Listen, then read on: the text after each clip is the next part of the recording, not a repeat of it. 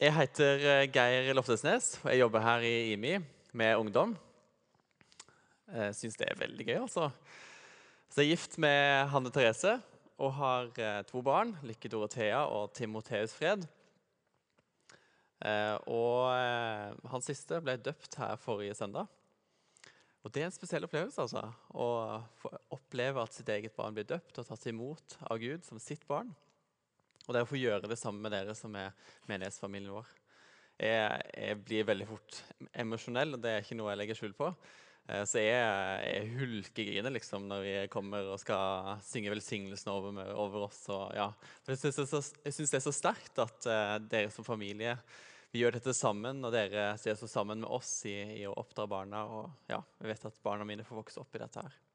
Så tusen takk for at jeg får være en del av denne menigheten sammen med dere.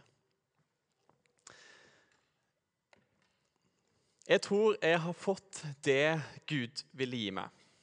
Jeg er frelst, og jeg er fornøyd med det. Ordene kom fra en eh, teologiprofessor når jeg studerte teologi. Og Han hadde konkludert med at han hadde egentlig fått det Gud kom for å gi han på jorda. Frelse og himmelbillett. Check. Og For professoren så hørtes det litt sånn strevsomt ut, det å søke Gud og lengte etter han, og tanke på at han hadde mer for deg. Og vet ikke hvor du er, Kanskje du kjenner deg litt igjen? At du er fornøyd med det du har fått, og slått deg til ro med det? Eller i hvert fall det ser kanskje sånn ut i hvordan du lever livet. Kanskje du overlater det til ultrakarismatikerne? Eller de som har en spesiell nådegave for å søke Gud? Eller kanskje dette her er liksom hjertespråket ditt. Å søke Guds ansikt som, som er tema for i dag. Kanskje det liksom er din greie. Eller kanskje du er en som lengter etter å lengte etter Gud. Lengter etter å søke Gud, og at det skal være noe du har lyst til. Vi snakker mye om eh, Guds nærvær i denne menigheten. Og vi, eh, vi bruker ofte bilder på en sånn trekant når vi snakker om sentrale verdier her i IMI.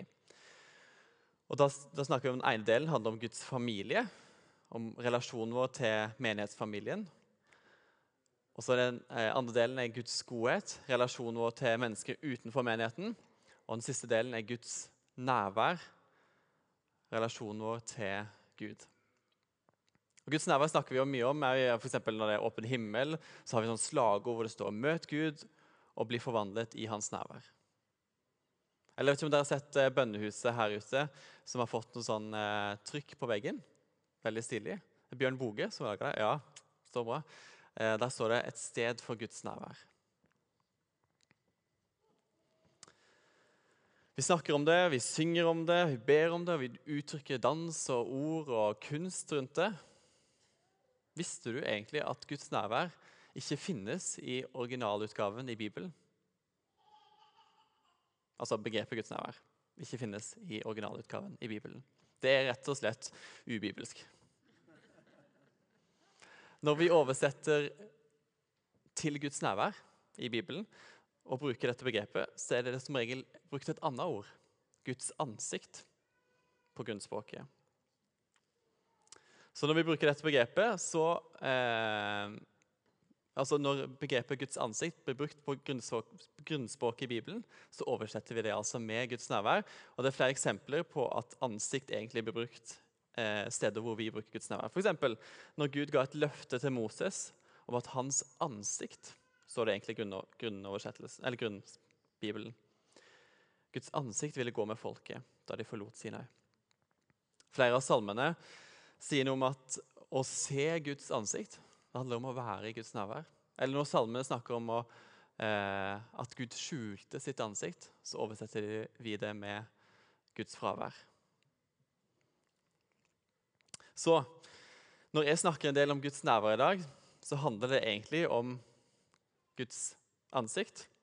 Det å søke Guds ansikt. Det er en eh, opplest og vedtatt sannhet i den verdensvide kirka at vi tror at Gud er allestedsnærværende.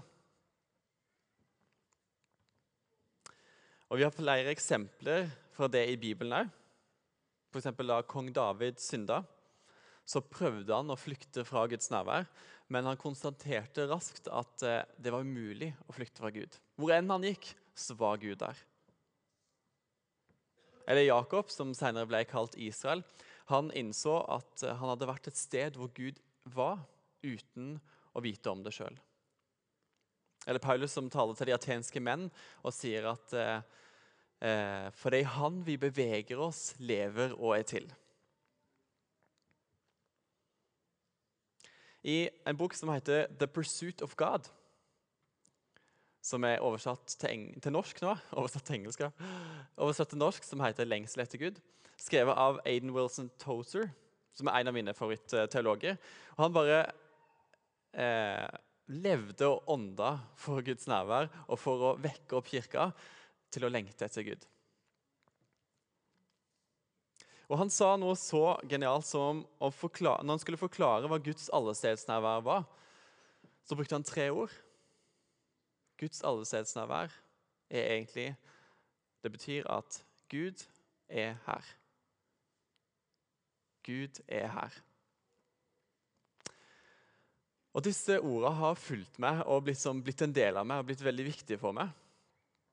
Uansett geografi, fysisk tilstand, psykisk tilstand, åndelig tilstand, så er Gud her.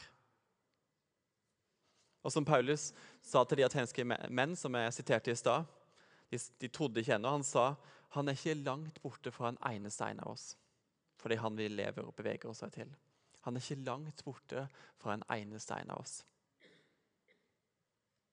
Gud er ikke fysisk nærmere ett menneske sammenlignet med et annet.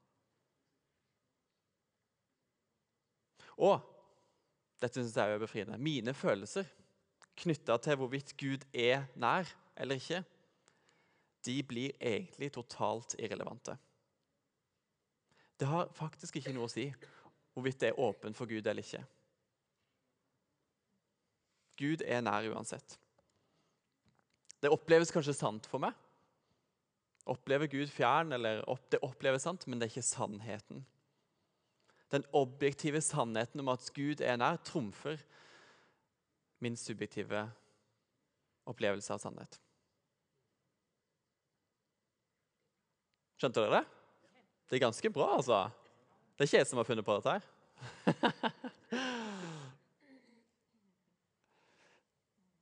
og, og um, hvilke konsekvenser har dette her for oss om vi faktisk tror at det er sant?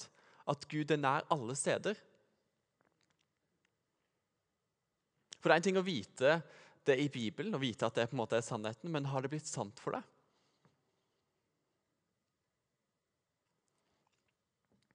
Dette her har gjort mye med mitt bønneliv de siste to åra. Og utgangspunktet har egentlig blitt takken for min del. Den mest bedte bønnen i mitt liv har lenge vært 'Kom, Hellige Ånd'. Og Jeg har sagt det mange ganger daglig. Jeg har bedt det mange ganger daglig. Og det er nesten blitt et sånn sukk som jeg sier i pausene i livet, holdt på å si. Når som helst sier jeg bare 'Kom, Hellige Ånd'. Og denne her bønnen er ikke feil. Bønnen om at han skal komme, det kan nettopp uttrykke en slags lengsel overfor Gud og en sult etter hans inngripen og nærvær. Og Det står noe i Bibelen om å stadig bli fulgt av Ånden. Men for meg så har det litt om hvilket perspektiv jeg vil ha.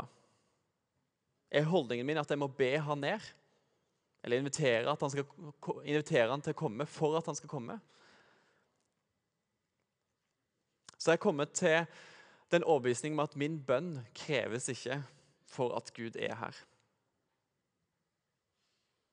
Så min nye bønn har blitt Takk, Hellige Ånd, for at du er her. Og Det har blitt for meg mer en påminnelse om at faktisk Gud er her allerede. Han har kommet med, kommet med, i forveien, han har kommet med i forkjøpet. Han vet hva som kommer til å skje, han er der allerede. Høres litt sånn rart å forstå, men det er ikke sikkert vi skal forstå det. Men det, det er likevel sant. Når jeg har det perspektivet, så gjør det masse med meg. Jeg skal snakke litt mer om det. Gud er her, og det hjelper meg til å få perspektiv. Guds perspektiv. Og jeg er til å be ut ifra et bibelsk perspektiv om at hans sannheter faktisk er sannheten og skal bli sannheten for meg.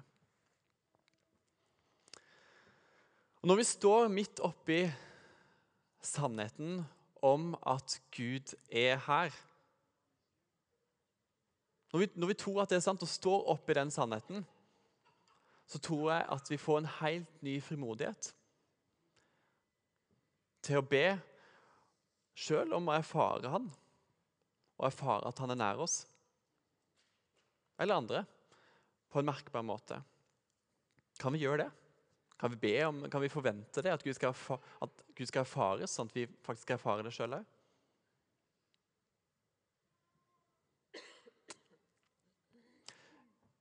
Altså, Det enkleste bildet for meg blir eh, at enhver far vil jo ønske å gjøre seg erfarbar for sitt barn. Jeg vil jo at mine barn virkelig skal erfare at jeg er til stede, og at jeg er nær dem i livet. Og at det skal bli det de sier senere i livet. At jeg var til stede, jeg var nær.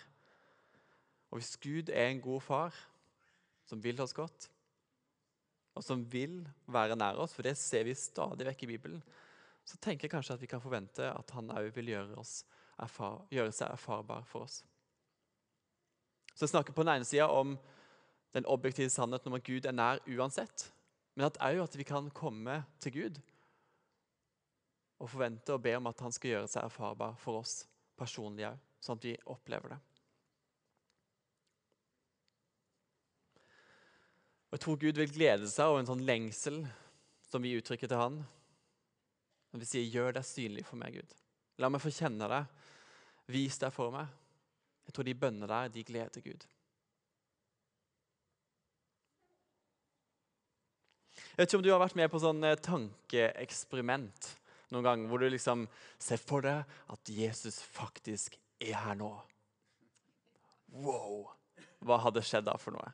Tenk liksom på jobben din, f.eks. Hva hadde skjedd da for noe? Jesus var på jobben din? Eller f.eks. studiestedet ditt, eller et eller annet annet sted. Jesus, tenk hvis Jesus var her, da, midt iblant oss nå. Tenk hvis det var sant. Har du, tenkt, du, har du forestilt deg det, eller tenkt liksom på disse tinga? Jesus plutselig flytta inn i nabohuset ditt. Hva hadde skjedd med nabolaget da? Hva ville Jesus gjort hvis han var her nå? Men folkens, dette her er gode nyheter. Det er ikke bare et tankeeksperiment. Det er sant. Jesus er her nå.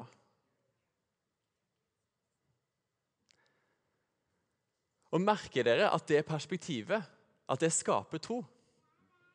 Merker dere det?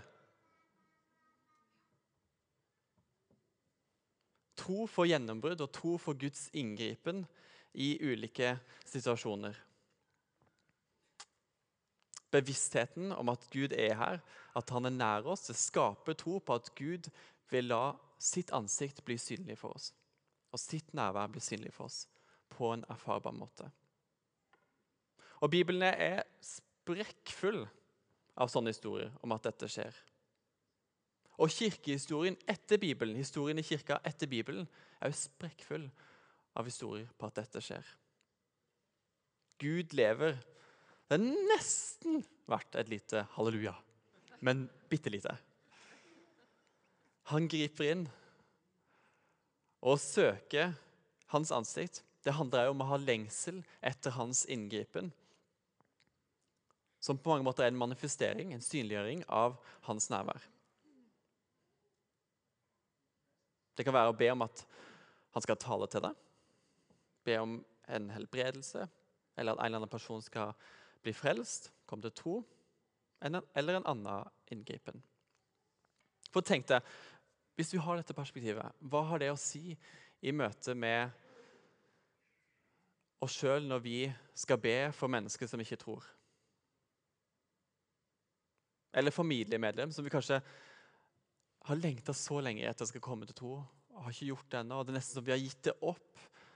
Hva har det å si å tro at han faktisk ikke er langt borte fra en eneste en av oss? At han er allerede nær dem. At han er der tilgjengelig for dem. Hva har det å si for vårt perspektiv når vi ber? Gud er midt iblant de, uavhengig om de er klar over det sjøl. Han er ikke langt borte fra en eneste en av oss. Sier det igjen og igjen. Så om vi går på universitetet eller jobben på et sted som kanskje er spekka av folk som ikke tror Om vi går inn i det mørkeste av det mørke Gud er her. Ta så Dunk litt til sidemannen og si det. Gud er her.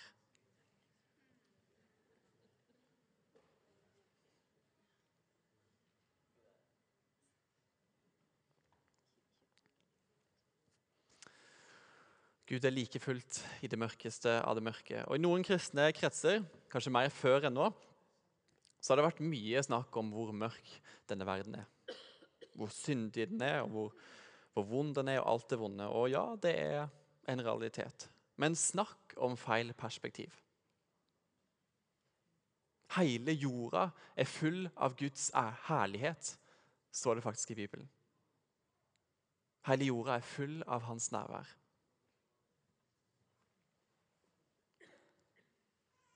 Hvis vi ikke holder det høyt oppe, så mister vi lett motet og troen.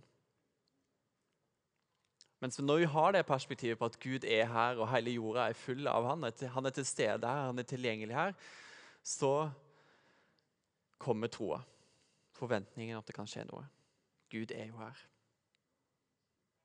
Og Dette har gitt meg mye frimodighet i forhold til bønn for syke, bønn om helbredelse, eller Guds inngripen på en eller annen måte. En syns jeg var opptatt av å finne ut av eh, Hvordan skal jeg be for syke?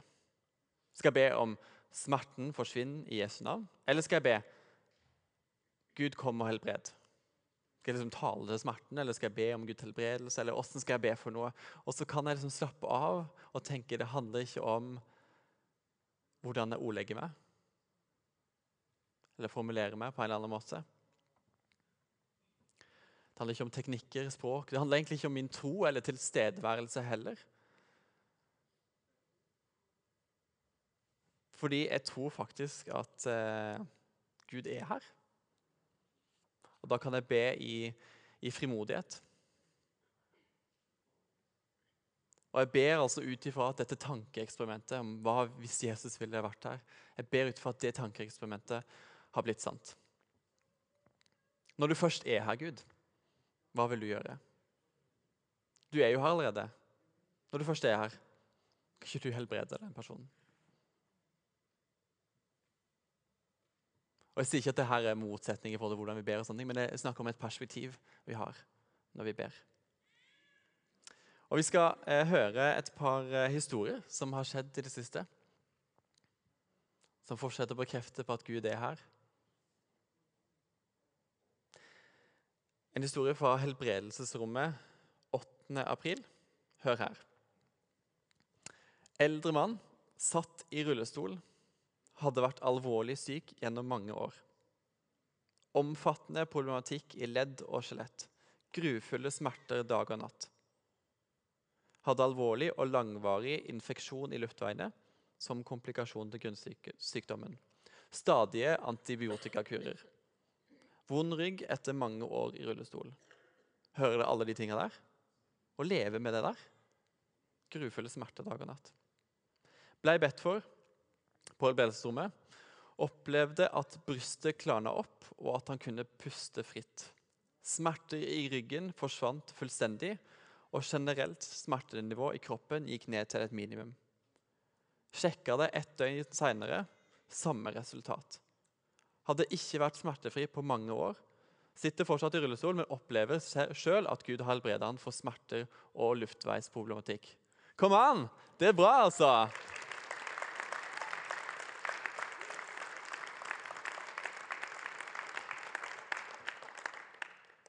Bra. Og så skal vi høre en annen historie. Kom her, Anne. Ja, sist, eh, Det har fulgt meg et vitnesbyrd av en historie denne uka som har gjort meg så begeistra. Eh, og det er for at Sist eh, helg så hadde vi kurs i indre legedom her på huset. og Da kom det ei dame som heter Margit. Hun var på min alder. Hun hadde ikke hørt om at vi hadde helbredelsesrom, men når jeg informerte om det, for det vil være litt rassing utenfor det vi hadde kurset, så tenkte hun jeg har vondt i kroppen min, jeg er nødt til å gå på helbredelsesrommet. Og bare for å si litt om bakgrunnen hennes, Hun hadde hatt en kneskade fra 1990 med tilbakevendende smerter i kneet. Eh, sånne akutte smerter som kom og gikk. I tillegg til det så hadde hun eh, hatt sånn blodpropp i beina, så hun var en del hoven i beina sine. Eh, og så, natta før hun skulle hit, så hadde hun hatt så mye vondt at hun var usikker på om hun klarte å komme.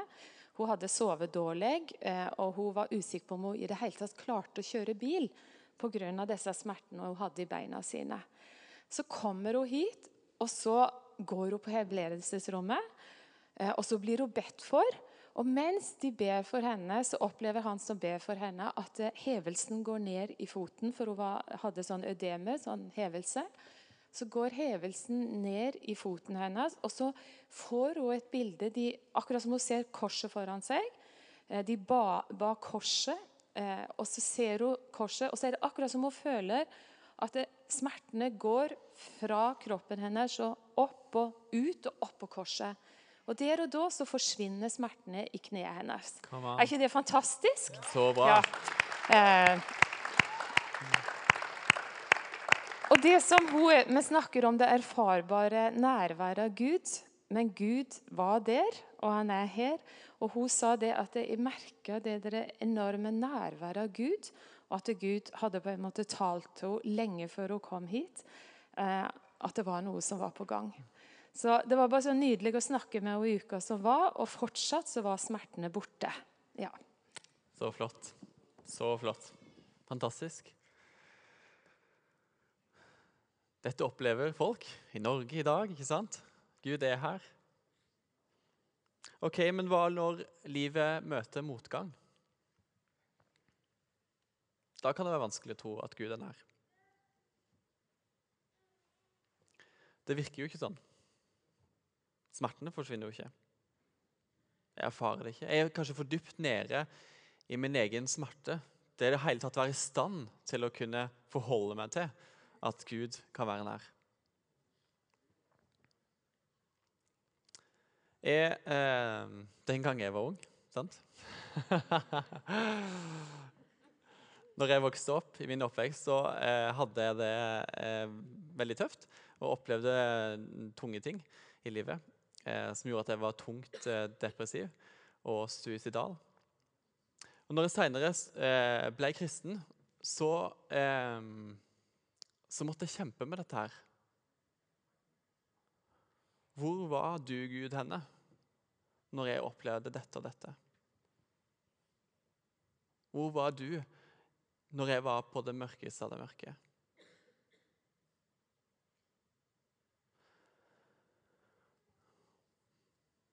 Og jeg merka at det lå baki der. Det, det prega meg, det spørsmålet her. Søkte han og sånne ting. Og så eh, opplevde jeg, når jeg utenfor IMI, før jeg kom til IMI, eh, når jeg var kanskje rundt 19-20 år, at jeg kom til et sted hvor det var en person som ga meg et profetisk ord. Og som ta, sa ting inn i livet mitt som jeg ikke hadde fortalt noen. Og som jeg kjente bare traff så utrolig mye. Og det gjorde noe med hele perspektivet på hvem Gud er. For når jeg skjønte at han visste disse tingene om meg, så skjønte jeg òg at han måtte ha vært nær meg. Når jeg skjønte at han visste om de smertene og de spørsmålene som jeg strevde med, så må han jo ha vært nær meg for å vite det.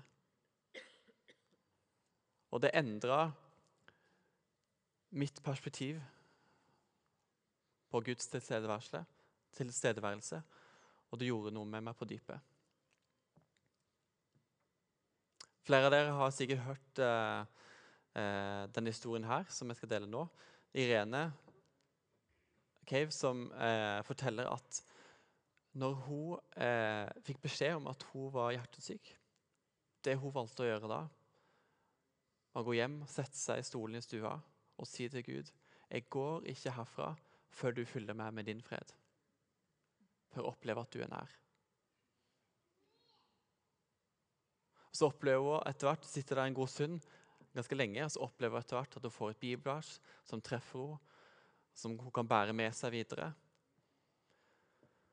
Og så eh, får hun òg et sånn Jeg vet ikke om hun får det da, men det blir en sånn greie for henne. uh, må hun snakke om mye. Ja. Pust ut ditt strev og pust inn Guds fred. Det blir hennes perspektiv. Og jeg tror disse, Denne setninga har blitt en sånn hjertegreie i vår menighet. Jeg hører det sitatet siteres flere ganger rundt forbi fra forskjellige folk. Pust, inn, pust ut ditt strev og inn din Pust ut ditt strev og pust inn Guds fred. Og det, det er nesten som jeg hører sånn gjenklang fra historier fra Bibelen om når Moses hadde den store utfordringa. Han skulle lede Israelsfolket ut av Egypt, og så sier han, 'Jeg går ikke herfra før ditt nærvær går med'. Jeg vil ikke stå i denne utfordringa uten at du er med. Eller eh, når Jakob eh, kjempa med eh, Gud, så sa han til engelen, 'Jeg slipper deg ikke før du velsigner meg'. Jeg slipper deg ikke før jeg får opplevelsen at du, du er her, at du er nær. Jeg går ikke videre i livet før sannheten om at du er nær meg, har blitt sant for meg, har blitt til erfaring for meg. Nå møter jeg motgang, og da er jeg nødt til å kjenne at du er nær i det.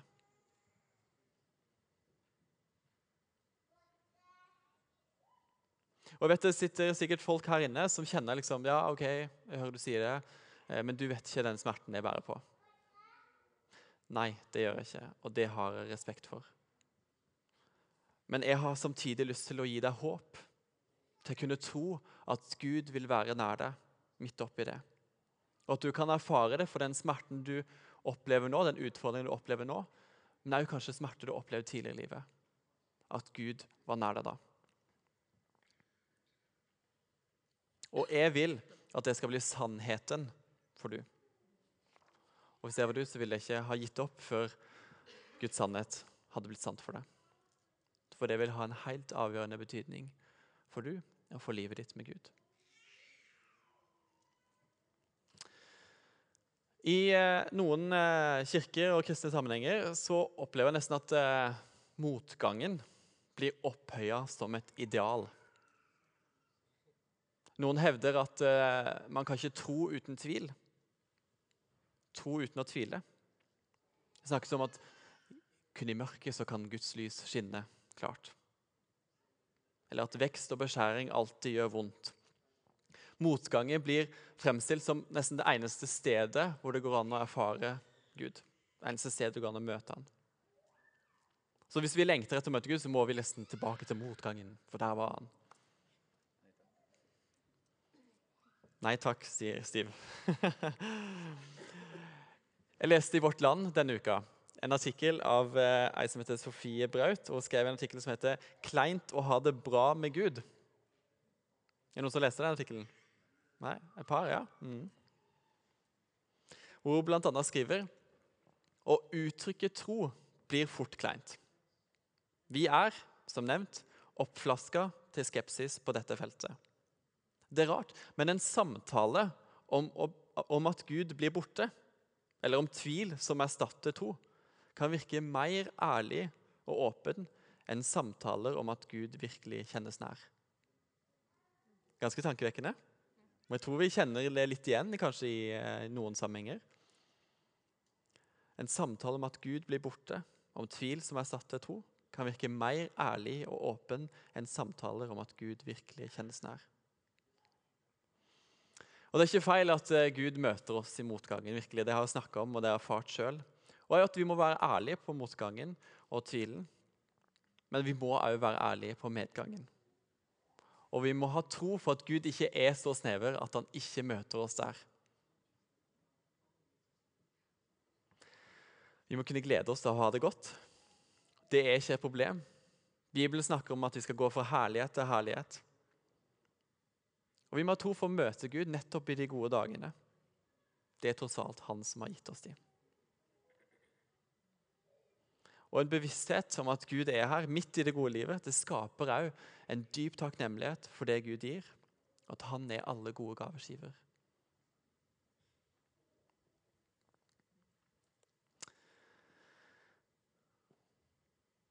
Hør dette her. Guds lengsel etter å være nær oss er langt større enn vår lengsel etter å være nær Han. Hans lengsel etter oss er alltid langt større enn vår lengsel etter Han. Gud er ikke fjern, han er ikke langt unna, men han lengter etter å møte oss i alle livets faser. Og I Jeremia 29 så leser vi at det er løfter knytta til det å søke Gud. Å søke Hans ansikt eller søke Hans nærvær. Og Det jeg skal lese nå, det er sagt i konteksten til et bortkommet folkeslag som er borte fra Gud, borte fra det lovede land. Og De er i eksil i Babylon. Og hør nå hva profeten Jeremia opplever at eller at Gud sier til profeten Jeremia, som han skal fortelle til folket.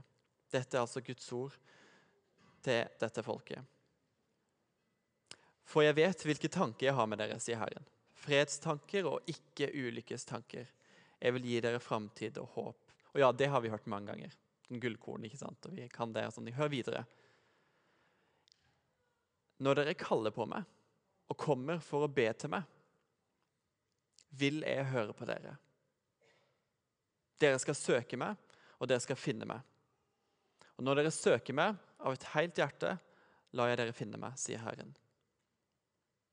Når dere kommer til meg for å be, så vil jeg høre på dere. Jeg vil høre på dere. Jeg vil høre på dere. Dere skal søke meg, og dere skal finne meg. Og la meg si det sånn. Dette er i den gamle pakt. Nå er forhenget revna i tempelet. Det som skilte det stedet hvor Gud var, og resten av folket. Hvor bare enkeltmennesker fikk lov å komme inn. Det har revna, og vi har adgang til en helt annen nærhet til Gud i den nye pakt. Andre steder så leser vi Søk først Guds rike og hans rettferdighet, så skal du få alt det andre i tillegg. Så skal du få alt det andre i tillegg. Eller søk, leit, og du vil finne. Hans løfter står fast, og er dette her virkelig sant, så er det enorme løfter for oss. Det gjør at vi kan ha tro og forventning om at han lar seg finne. Ok, da skal vi se en uh, liten film.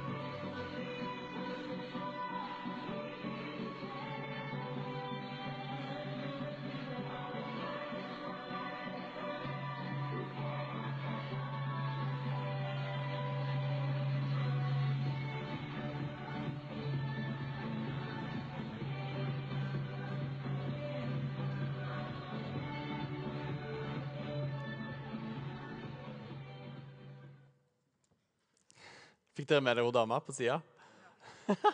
Syns det var så morsomt da jeg så det. Kjempemorsomt. Når vi snakker om å søke Guds ansikt, så handler det om en hjerteholdning. En innstilling om at vi vil søke Gud. Er hjertet vårt opptatt av det? Lengter vi etter det? Er det noe vi ønsker? Og da vil det automatisk materialisere seg i hvordan vi bruker tida. Hva vi prioriterer av tid, penger og relasjoner. Det handler kanskje mer om å dukke opp på denne dansetimen enn å alltid få det til og mestre det. Det handler om en hjerteholdning, om å ville.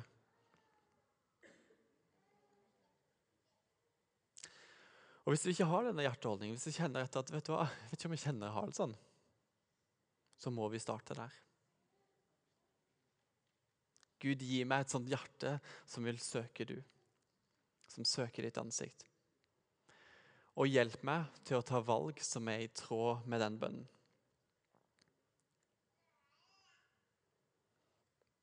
Bruk gudstjenestene. Ikke la det, la det aldri komme opp til diskusjon om vi skal gå på gudstjeneste eller ikke. Uansett om man er trøtt og sliten eller hvor man er henne, langt nede. La det være en fast greie som vi bare gjør. Sammen med huskirker. Et sted som hjelper oss til å holde fokus, til å ha denne hjerteholdninga, til å leve i det. Um, bønn- og lovsangskvelder her på tirsdagskvelden. Helbredelsesrommet på lørdager. Det finnes nok av verktøy i denne menigheten. Og det er jeg veldig glad for. For din egen del òg. Hvordan ser det ut å ha den personlige relasjonen med Gud? Form av Bibel og bønn og lovsang osv. Når det er med deg sjøl. Forventning og tro, det avgjør om du vil søke Guds ansikt. Hvis erfaringen og troa tilsier at Gud mest sannsynlig ikke har noe å si, at det å søke Gud mener jeg, mest sannsynlig ikke har noe å si, så er det veldig vanskelig å prioritere det. Og Da må vi kanskje begynne å be Gud om å gi oss denne troa, denne forventningen. Troa på at Guds allestedsnærvær er sant, at Gud er nær. Gud er her. Og hvilke konsekvenser det har for oss. Kan vi ikke ta oss og reise oss?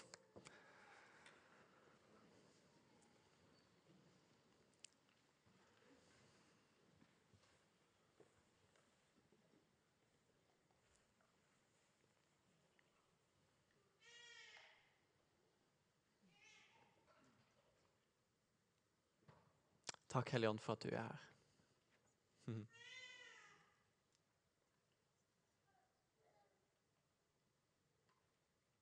Takk, Hellige Ånd, for at du er her. Kanskje du kjenner at du trenger å oppdage på ny at Gud faktisk er nær. I alle livets omstendigheter. Kanskje du trenger å erfare det i motgangen. Akkurat nå. At han kommer med sin fred og glede. Eller kanskje tidligere smerte i livet. At Gud var til stede der.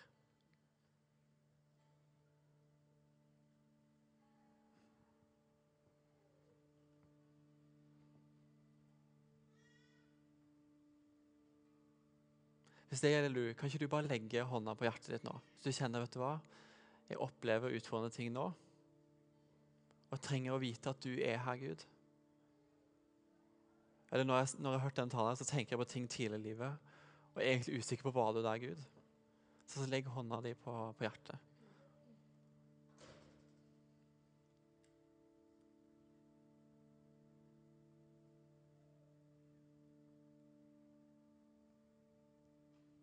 Takk, Hellige Ånd, for at du er her. Takk, Gud, for at du er her.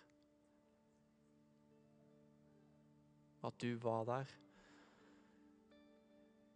i tidligere ting i livet.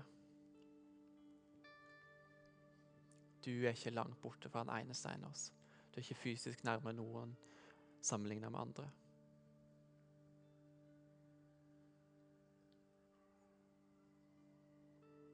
siden du allerede er Gud. Ta så Vis det for disse personene som det gjelder.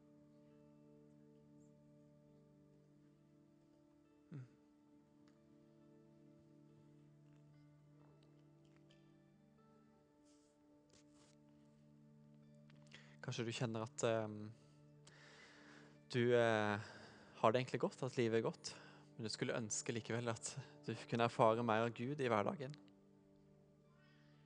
Jeg trenger deg, Gud, midt i de gode dagene som er fylt med takknemlighet. Kanskje det er bønnen din. Jeg ønsker å se mer av du midt i det gode livet. Vi inviterer deg, Hellige Ånd, til å berøre disse her.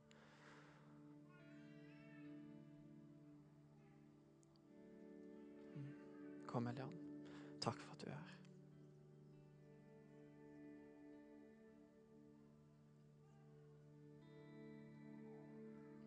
Kanskje du lengter etter hans inngripen, at hans nærvær skal synliggjøres i at han kommer deg i møte. Kanskje et bønnesvar på en eller annen måte. Du er her allerede, Gud. Du har kommet oss i forveien, kommet oss i forkjøpet.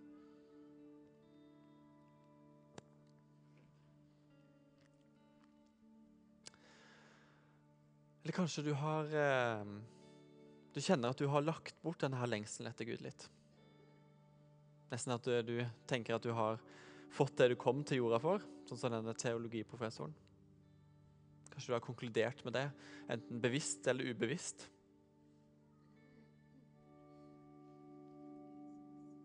Da har du til gode å bli bedre kjent med Gud. Og la han vise deg at han har mye mer i vente for deg.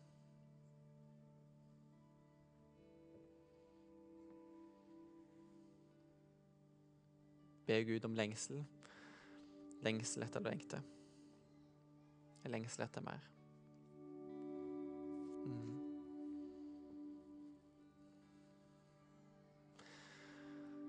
Takker Hellige Ånd, for at du vil åpne våre øyne, sånn at vi kan virkelig se at du er her akkurat i det vi kjenner på.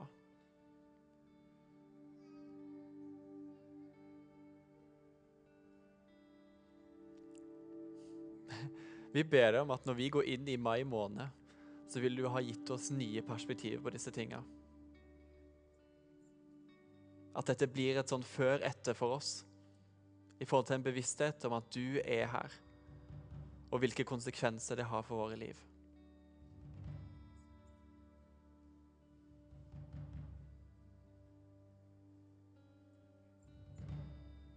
I møte med oss sjøl, det vi står i, i møte med andre. Og når du kaller oss til å be om din inngripen.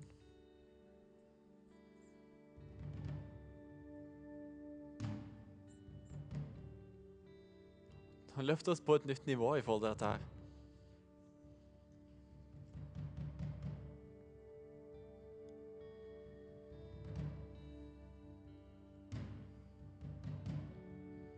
Bare fortsett å sette ord på akkurat det du kjenner på i møte med Gud. Når vi snakker om disse tinga.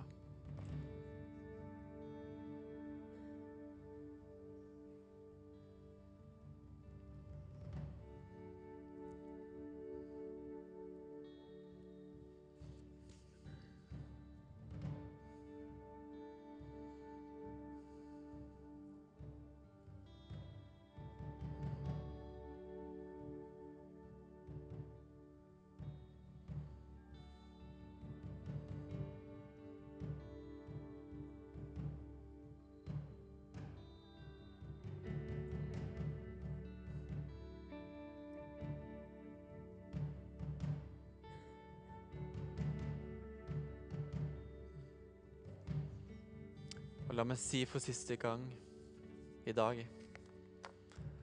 iallfall på denne gudstjenesten, at Gud er her.